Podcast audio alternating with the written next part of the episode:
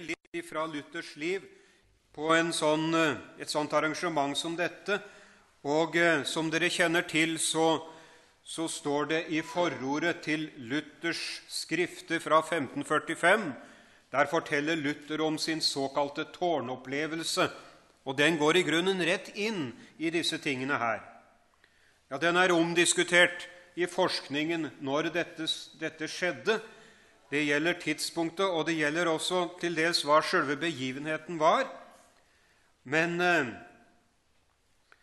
ja, det, det, de årstallene skal vi ikke bry oss med noe særlig her. Det skjedde i hvert fall på, i begynnelsen av den reformatoriske tiden. Og det fikk avgjørende betydning for hele Luthers gjerning. Han hadde en opplevelse da han satt og forberedte sine forelesninger. Eh, han eh, forsto plutselig Bibelens budskap om frelsen. Og han gjenoppdaget på en måte en sannhet i Skriften som jeg tror vi kanskje er i ferd med å glemme på nytt i vår tid. Eh, det var dette at Gud Guds, det var spørsmål om hva som menes med uttrykket 'Guds rettferdighet'. Og Luther han hadde, hadde hele tiden tenkt at det er den rettferdigheten Gud dømmer etter. Men så ble det klart for ham at Guds rettferdighet det er en rettferdighet som han ikler synderen, og som han gir synderen, slik at han blir rettferdig og fullkommen i Guds øyne. Og når vi ser på hele Luthers opplevelse av dette, både tiden som gikk før han fikk sitt reformatoriske gjennombrudd, og tiden etter, så kan vi si vi kan i grunn forstå det ut ifra disse ordene 'Herren døder og gjør levende'. Det var i grunnen det Luther hadde opplevd. Før Luther fikk sin oppdagelse, ja, så hadde han gått igjennom en ganske tung prosess. Det er som vi hørte her tidligere Gud hadde blitt åpenbart for ham. Det ble veldig vanskelig for ham å, å på en måte forholde seg til Gud i all sin fromhet. Han hadde forsøkt ut datidens kirkelære og forhåndsforskrifter. Han hadde strevd med å oppnå Guds nåde. Og det førte ham altså inn i en åndelig dødsprosess. Og etter hvert så skjønte Luther at den prosessen han gikk igjennom, der hvor alt han opplevde, på en måte blei i motsetning til det han håpet og forventet, det var en prosess som Gud førte han igjennom, og som et menneske må føres igjennom for å kunne få se lyset. Han skriver om det i eh, sine skrifter, om hvordan han prøvde å nå dypt nok ned i angeren. For Luther ville angre sine synder. Han ville sørge over sine synder. Han ville inn i en dyp synserkjennelse, kan vi godt si. Og det er jo merkelig når man liksom Det er slike ting som en tenker på at dette må jeg få til for at Gud kan beveges til å gi meg nåde. Ja, da må jeg sørge dypt over mine synder. Da må jeg vise at jeg angrer, for da kan jeg bevege Gud til å gi meg nåde. Det er ingen ukjent tankegang for oss. Det er jeg som skal bevege Gud. Og så sier Luther i et tilbakeblikk hvis en skal vente til en er tilstrekkelig sønderknust i anger, vil en aldri nå frem til å høre gleden. Det fikk han høre av en, skriftefar. Jeg har meget ofte og med stor smerte erfart dette i klosteret. Jeg fulgte nemlig deres lære om angeren, men jo mer jeg angret, desto større kvaler. Min samvittighet gjorde meg stadig større pine, og jeg kunne ikke gi rom for tilsigelsen av synsforlatelse. Han kjørte seg liksom inn i en slags fortvilelse. Han eh, greide på en måte ikke å ta til seg ordet om synsforlatelsen. Men så så oppdaget han hva Skriften sier. Han fant at Gud allerede er, eller har fått, det han krever og at Gud mer enn gjerne vil gi nåde, og at nåden blir gitt til den som ikke har noe å gi tilbake til Gud. Gud gir den rettferdigheten som vi trenger for å stå fullkomne for Hans åsyn. Gud gir Jesu rettferdighet til synderen. Og det er ikke du og jeg som beveger Gud til det, men Gud er klar til det. Bekjenn din synd for Han, ja, så er det ingenting annet Gud vil enn å ikle deg rettferdigheten fra Jesus Kristus. Og så, så skjønte Luther at han hadde gjenoppdaget en glemt sannhet. Og det står at han, han forteller at han begynte å lese i eldre skrifter. Ja, han kjente Augustin veldig godt. Og så står det at han leste et skrift som heter Spiritus et letra. Ånd og bokstav. Der finner man Augustins lære om Skriften, og vi finner en lære som Den ligger ganske nær opp til Luthers lære om lov og evangelium. Og så skriver Luther mot formodning støtter jeg derpå at også Augustin utlegger Guds rettferdighet på lignende måte, som den rettferdighet Gud ifører oss i det Han rettferdiggjør oss. Og selv om dette ennå er sagt ufullstendig, og Augustin ikke utvikler alt klart om tilregnelsen, så var det likevel hans ønske at den skulle undervise om Guds rettferdighet som den rettferdigheten vi rettferdiggjøres med. Ja, tenk det oppdaget han, at det var noen som hadde sagt noe lignende før ham. Og det er faktisk noe som har ligget der som en sannhet i Kirkens historie.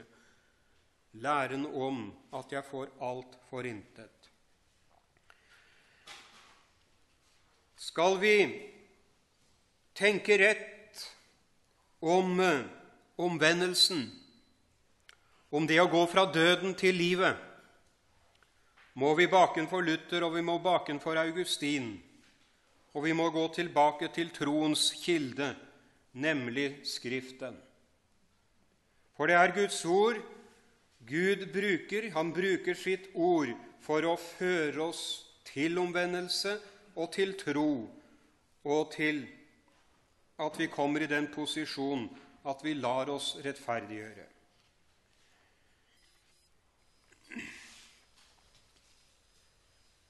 Egentlig så var det læren om omvendelsen Luther hadde gjenoppdaget. Og det er eh, denne vi skal se litt mer på i fortsettelsen. Eh, i Luthers teologi, luthersk teologi, så er ikke læren om omvendelsen entydig. Eh, også i den lutherske tradisjon så finner vi noe forskjellige forklaringer og oppfatninger om omvendelsen. Det er den pietistiske, som vi kjenner litt til.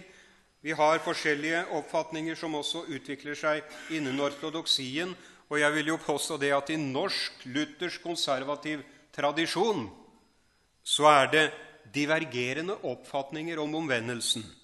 Kan bare ta for seg Ole Hallesby, Leif Aalen og Olav Valen Senstad og Carl Fredrik Wisløff, så vil du se det er, det er noen forskjeller. Det er det. Og desto mer er det et behov for å gå tilbake til Skriften. Det er noe et veldig viktig anliggende for lutheranere, for vi sier jo det vi skal prøve det vi tror og lærer hele tiden på Skriften. og eh, opphøye et system så, og et, la oss si en dogmatikk eller en lærer til å være den som har sagt de ord som skal gjelde til evig tid, nærmest, det er litt farlig. Det er bare Skriften som er, det er den som er kilden. Og selv Luther gikk igjennom en prosess når det gjaldt disse tingene, og det var brytninger under reformasjonen mellom de som hellet i retning av dit hvor Melanchthon etter hvert gikk, og, og lutheranere. Så dette her har ikke vært så enkelt, egentlig.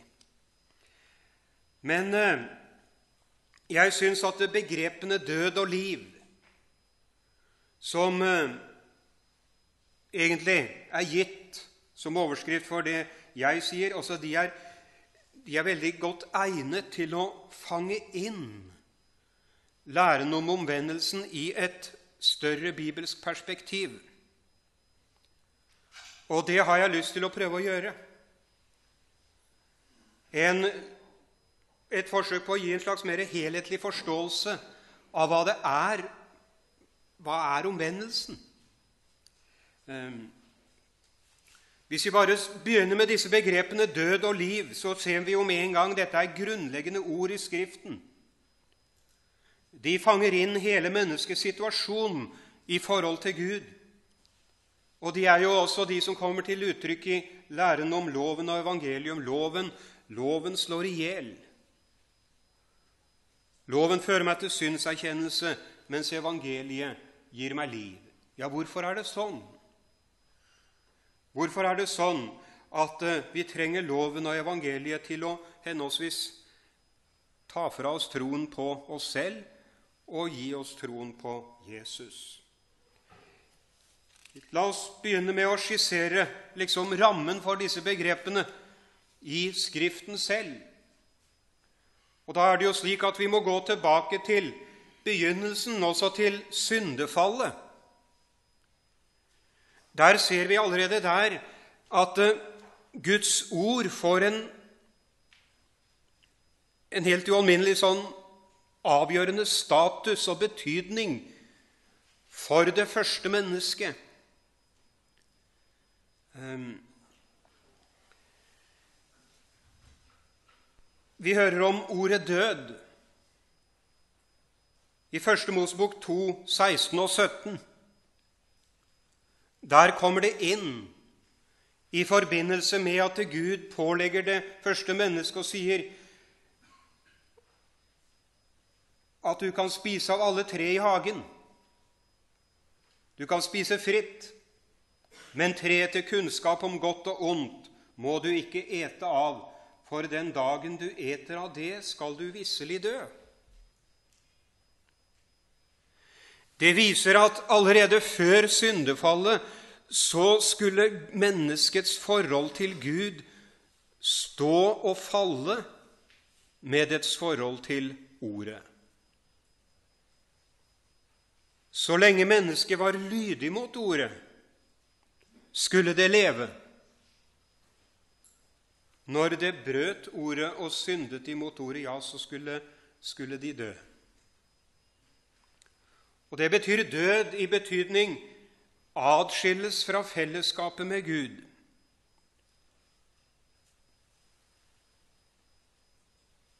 Død i betydning at synden får makt over mennesket. Og Vi veit hvordan det gikk. De to første menneskene ble fristet til opprør imot Gud, og de åt, leser vi i Skriften. Og forholdet til Gud ble brutt.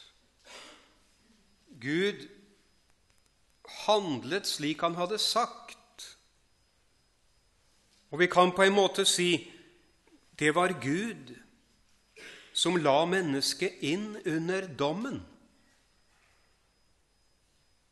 I den betydning kan vi si Gud døder. Forholdet til Ordet er helt avgjørende for menneskets forhold til Gud. Og så står det også i Skriften ellers om at synden går i arv fra slekt til slekt. Mennesket fødes og er under syndens skyld, og det er i syndens makt. Man taler om syndeforderv og syndeskyld. Begge deler går i arv. Og det betyr jo at hele menneskeheten egentlig befinner seg i en åndelig dødstilstand under Guds dom. Det er voldsomme ting. Og Derfor har alle mennesker behov for omvendelse. Og det betyr alle mennesker har behov for å bli flyttet fra det vi kan kalle dødens domene, til livets domene.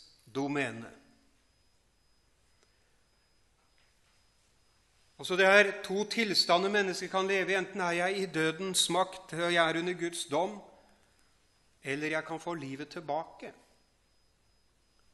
Og livet betyr samfunnet med Gud. Jeg kan få det tilbake.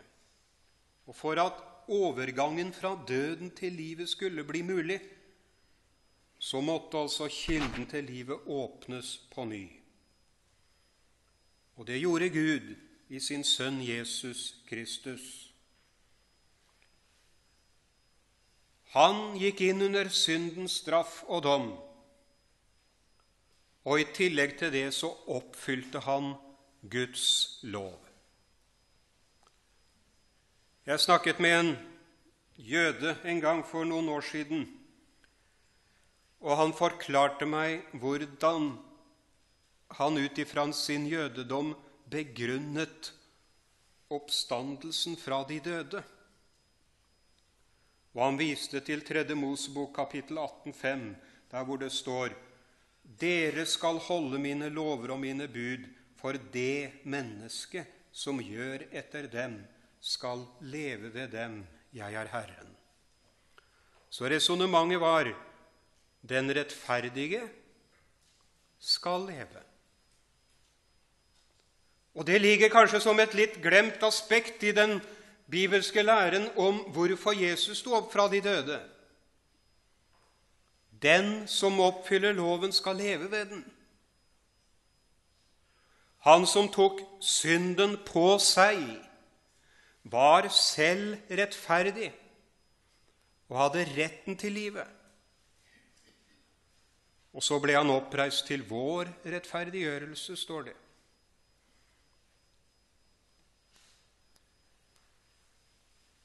Gud døder og gjør levende. Dette skjedde med hans egen sønn. Gud la synden på sin sønn, og han knuste ham.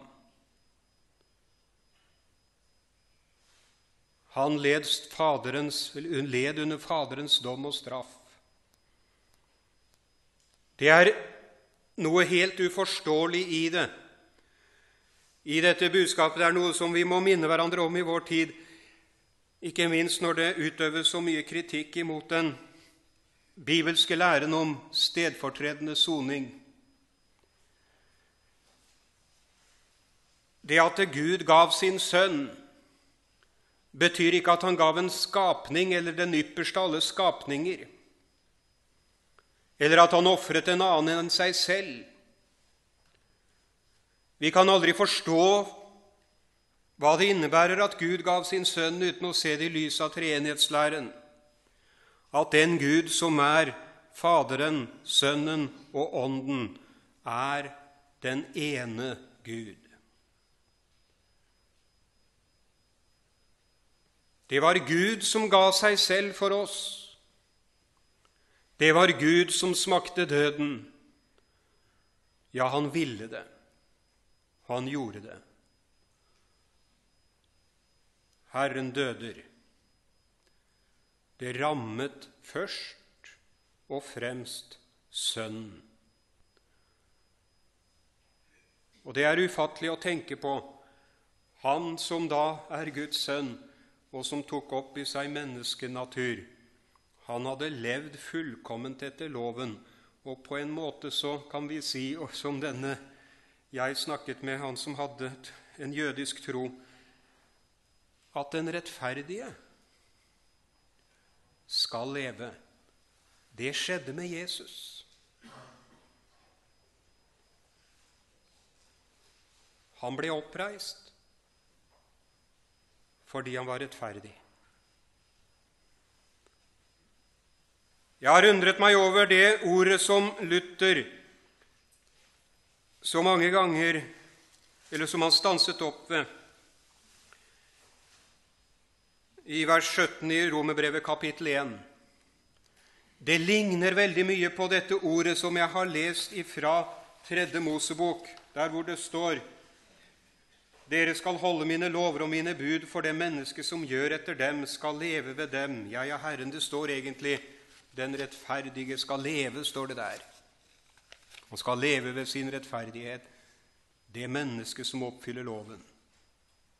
I Romerbrevet 1,17 står det om evangeliet.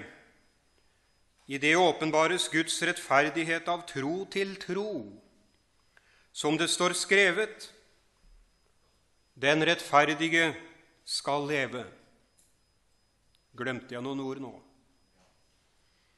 Stemmer. Den rettferdige av tro skal leve.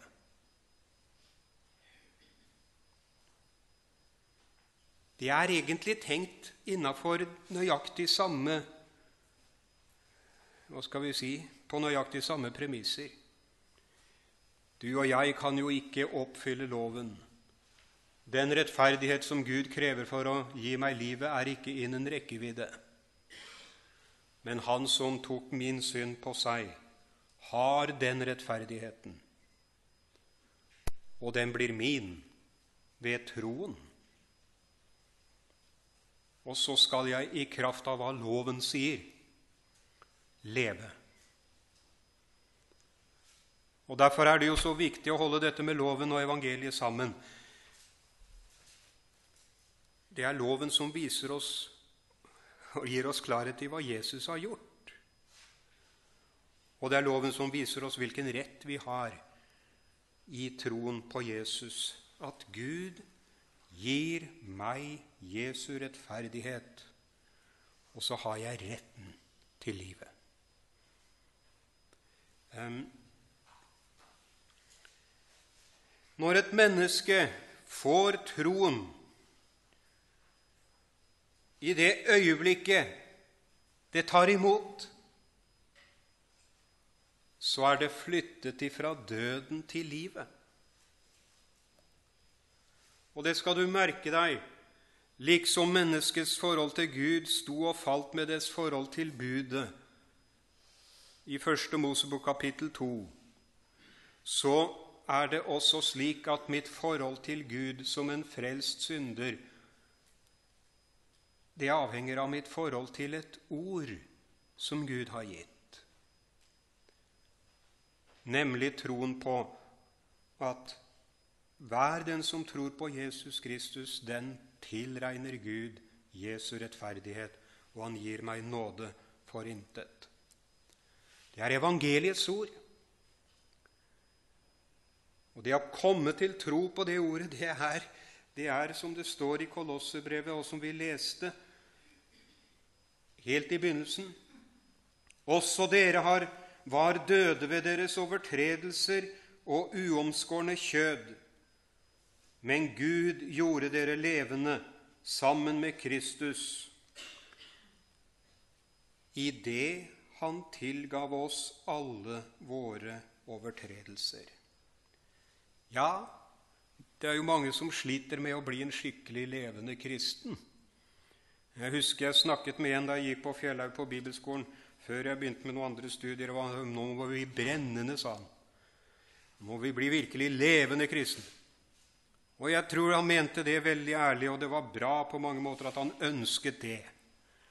Men liksom å skille mellom levende og mindre levende og døde Ja vel, altså dette, det blei for galt, rett og slett. Det skjønte jeg ikke. Og så gikk jeg selv og tenkte på ja, hvordan skal jeg nå bli en sånn virkelig spill levende kristen? Jo, så, men så har det etter hvert gått opp for meg hva, det, hva, det, hva vil det si å være en levende? Levende kristen, hvis jeg kan bruke det uttrykket. Det er at jeg blir levende i det øyeblikk jeg får tilgivelse for alle mine synder. Han gjorde oss levende i det han tilgav oss alle våre overtredelser. Og det skal jeg si, du kan være en levende kristen om du føler deg aldri så død. Jeg husker min far han var sjuk i veldig mange år før han døde. Og Han hadde også en sånn sykdom som det ble snakket om her, som kanskje Ja, han forsvant. Noe av det siste jeg snakket med han om, det var han fortalte meg Han sa det til meg da han var noenlunde klar i hodet. Det er så godt å ikke skylde Gud noen ting, sa han. Jeg trodde nesten at det var noe av de siste ordene jeg snakket med ham. Det gikk tre år deretter uten at vi kunne ha noen samtale med ham. Han var helt borte. Så døde han. Og jeg vil si det sånn han var en levende kristen i hele sykdomsperioden.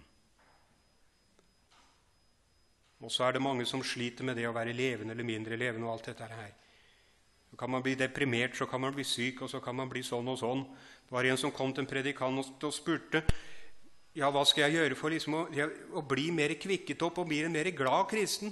Og så gikk han, nei, gikk til en psykiater, var det vel en kristen psykiater, og så sa psykiateren til ham ja, jeg kan gi deg noen piller. sånn. Så kan du spise dem, og da kommer du til å bli så glad som du aldri har vært før. Men tror du det avgjør saken?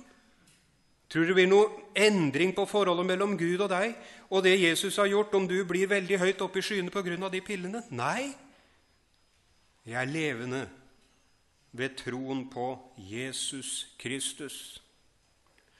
Men så er det dette Nå har jeg snakket om omvendelsen, liksom sett utenifra, hvordan Gud flytter et menneske fra dødens domene og syndens domene over i Jesus Kristus. Jeg blir lagt inn i Jesus, like som jeg er født inn i Adam og i hans, det følgende av hans fall, så blir jeg flyttet over i Jesus Kristus og så gjelder følgende av det Jesus har gjort for meg. Jeg får hans liv, det blir mitt. Og det å bli døpt, står det i Skriften, det er å bli døpt inn i Faderens og Sønnens og Den hellige ånds navn. Det er å bli døpt til hans død, inn i hans oppstandelse. Men så har også omvendelsen en personlig og subjektiv side og det er at Gud rett og slett må trenge seg på et menneske, slik at han får gjort det han vil. For det vet vi jo også det Ja, normalt sett så ikke, føler ikke menneskene på noe behov for å bli frelst eller få synstilgivelse av Gud. Sånn har det alltid vært. Det er ikke noe moderne fenomen, men det har vært sånn bestandig. Og så kommer Gud med sitt ord for å kjøre mennesket fast. Det er ganske merkelig når Gud kommer til et menneske. Jeg tror det skjer på forskjellige måter, men Gud har alltid det samme målet, og det kan være forskjellige slags ord som på en måte et menneske blir fanget av. Men ordene, de kommer. Og som vi hørte tidligere i dag, spørsmålet kom til Adam hvor er du? Etter at han hadde gjort opprør mot Gud og syndet imot Gud, ja, så rømte han bort ifra Gud. Men Herren hentet ham inn og spurte, ja, hvor er du? Og er det ikke slik spørsmålet kommer fra Guds ord også inn i vår tid, og det går ut til alle kanter, og det er så mange forskjellige slags mennesker som vi skulle så gjerne se blei nådd med det. Hvor er du nå? Ja, noen de har kommet inn i vanskelig livssituasjon. Det er på en måte slik at livet har gått i stykker for dem, og de skjønner det har å gjøre med ting jeg selv har valgt og gjort. Og Av og til så tenker jeg kanskje det er noen som går med en opplevelse av både tomhet og skyld, som ligger der mye Ja, det er mye mer av det i deres bevissthet enn det som syns på overflaten. Og så kommer Gud inn, et ord ifra Gud. Hvor er du? Ja, det står ikke så greit til i livet mitt. Det er mye som er galt. Og de valg jeg har tatt, de har bare ført ja, de har ført ulykke, og det er blitt elendighet ut av det. Oppløsning i nære relasjoner osv. Ja, det er mange som har kjørt seg fast. Og så kommer Guds ord og spør ja, hvor er du hen, og hvorfor er du der du er? Har du ett av det treet jeg forbød deg å spise av? spør Gud Adam. Ja, det var kvinnen som fristet meg. Han skyver ansvaret bort og vil for all del ikke ta det på seg. Og Det er det som er med mennesket. Det er som å få tak i et såpestykke i et badekar. Det glir stadig unna. Og så bruker Gud loven, ordene, som på en måte korresponderer med det som ligger dypt i menneskets bevissthet likevel, at dersom jeg nå skal få fred med Gud, så må jeg jo gjøre noe for det. Og det kan jo til og med hende at noen av de som da blir hentet inn av Guds ord, de, de begynner å bestemme seg for det at ja, nå skal jeg begynne å leve religiøst. Det er mye religiøsitet i vår tid. Og jeg skal på en måte gjøre mitt for å få fred med Gud. Og så, hvis Gud får komme til med sitt ord, ja, så vil det vokse frem en bevissthet om at jeg verken kan bli eller være slik som Gud krever av meg. Det er mange som misforstår Guds ord. Og det har vel også Luther sagt. Vi tror lett det at når Gud sier du skal leve etter budene, og du skal oppfylle budene, så tror vi mennesker, siden Gud sier du skal gjøre det, ja, så kan vi gjøre det. Når Gud sier 'lev sånn, oppfyll budene', 'strekk deg mot det fullkomne', ja, så tenker vi mennesker selvfølgelig det må jo bety at jeg kan bli sånn som Gud krever. Nei, det betyr det ikke. Gud kommer til deg med sitt bud for å vise deg at du ikke kan det. Skal du overbevise en liten pode om at han ikke kan svømme, så veit du åssen du skal gå fram. Det er bare å holde den i vannet sånn, og så slippe den. Så synker han. Da kan du ta den inn igjen med en gang, selvfølgelig. Men, men, eh, men det, er, det er noe med Guds pedagogikk. Han lar oss møte budet, og med budet så kommer vi motvillig til en, en erkjennelse, slik som det står i Romerne 3.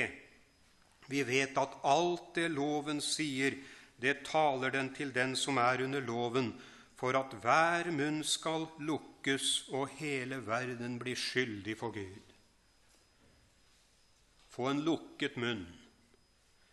Jeg holdt på å si når tør jeg lukke min munn? Når våger jeg det spranget å si til Gud Jeg kan ikke frelse meg selv. Jeg er skyldig. Jo, jeg tror det er sånn med oss mennesker at det våger vi ikke før vi også får høre evangeliet. For Gud taler ikke bare ett ord. Gud taler samtidig et, gir oss samtidig et ord om frelsen. Og vi kan godt si Gud legger liksom frelsesbudskapet og nåden rett foran oss som en redningsbøye. Og så driver vi der og svømmer omkring, og vi vil ikke gripe fatt i den. Men den ligger der. Du får høre om det.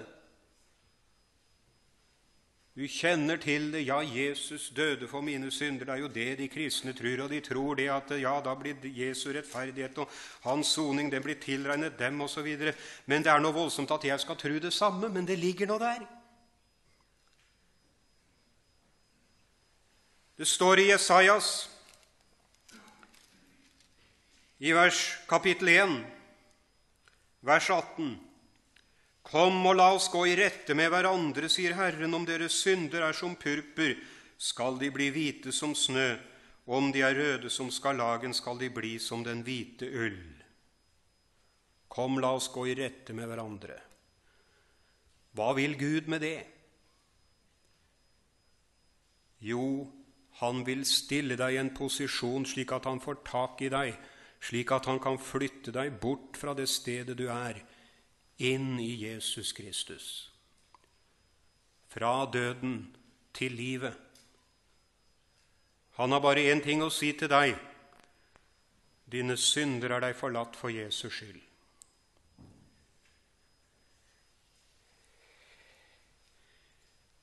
La oss gå i rette med hverandre. Og så kommer det et løfte. Om det ser aldri så galt ut, om syndene er som purpur, skal de bli hvite som snø. Om de er røde som skarlagen, skal de bli som den hvite ull. Ja, det sier Gud til, den, si, til oss alle. Jeg husker da jeg gikk på ungdomsskolen, så hadde vi en veldig streng og rettferdig og respektabel rektor som vi i grunn både fryktet og elsket. Jeg husker at, eh, at når noen gjorde noe galt, så begynte det å sprake. Da han, fant han ut av de tingene, og det begynte å sprake i høyttaleren ute på, på, skoleplassen. Og så plutselig så kom stemmen hans, og ropte han ut et navn. Kom opp på kontoret mitt straks.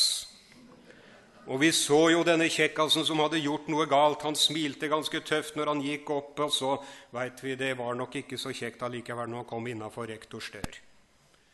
Og så har jeg, litt, har jeg, fantasert litt og tenkt Det var jo noen navn som gikk igjen, da. Tenk hvis rektoren hadde sagt det, ja, nevnt dette navnet til denne personen og sagt 'Jeg vet hva galt du har gjort'. Kom opp til meg, så skal du få det ettergitt og betalt og gjort opp alt sammen. Det ville jo være helt utenkelig. Men det er jo faktisk det Gud gjør.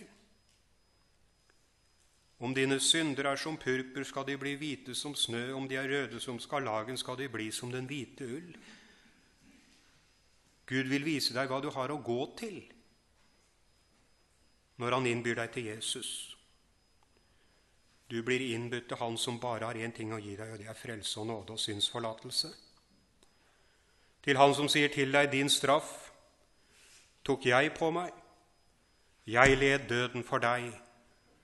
Den døden du skal få smake, det er den du kjenner i omvendelsens prosess når du til slutt må innse jeg kan ikke, jeg kan ikke frelse meg selv. Og så slipper du. Så tror du på Han. Og så legger Gud deg inn i Jesu død. Det er noen underlige ord i Kolosserbrevet og i Romerbrevet om disse tingene. Jeg blir lagt inn ved troen på Jesus, og blir jeg lagt inn i Jesu død, og jeg blir oppreist med Han. Jesu død regnes som min død. Jesu rettferdighet blir min, og jeg er oppreist med Ham. Kolossebrevet. La meg lese litt derifra en gang til. Det står om det. Dere ble begravet med ham i dåpen, og i den ble dere også reist opp med ham ved troen på Guds kraft, Han som reiste Kristus opp fra de døde.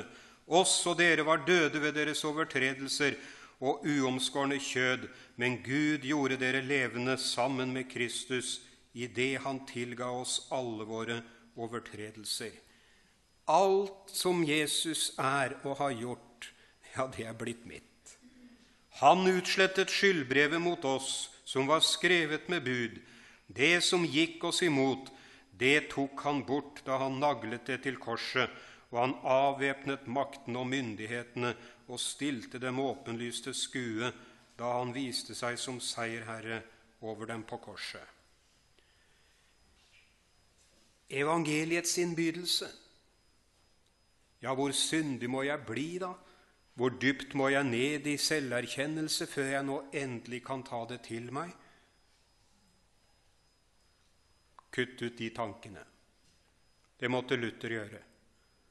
Og det må du og jeg også gjøre. Og så bekjenner vi, sier vi det for Herren sånn som det er. Jeg gir opp meg selv. Jeg kan ikke bli slik som, slik som Gud krever av meg. men her står jeg. La meg få ta imot Jesus og deg og, din nåde. I det øyeblikk du tror, har Gud flyttet deg over i Jesus. Og da kan det være som det vil med ditt liv.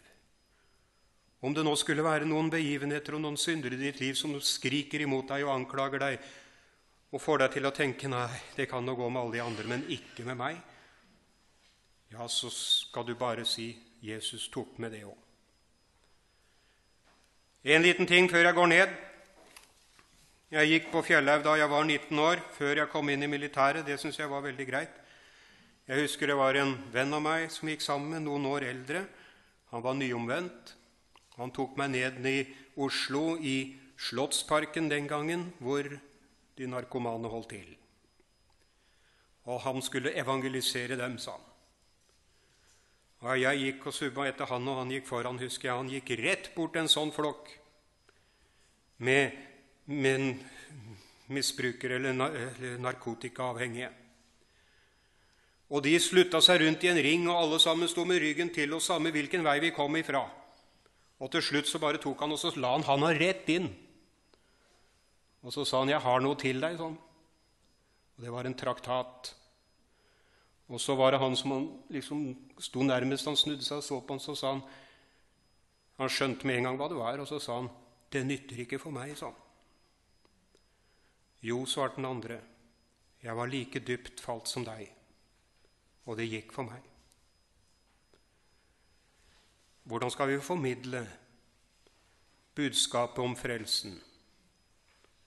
Jo, vi må i hvert fall ikke gi oss ut for å være så mye bedre enn alle andre.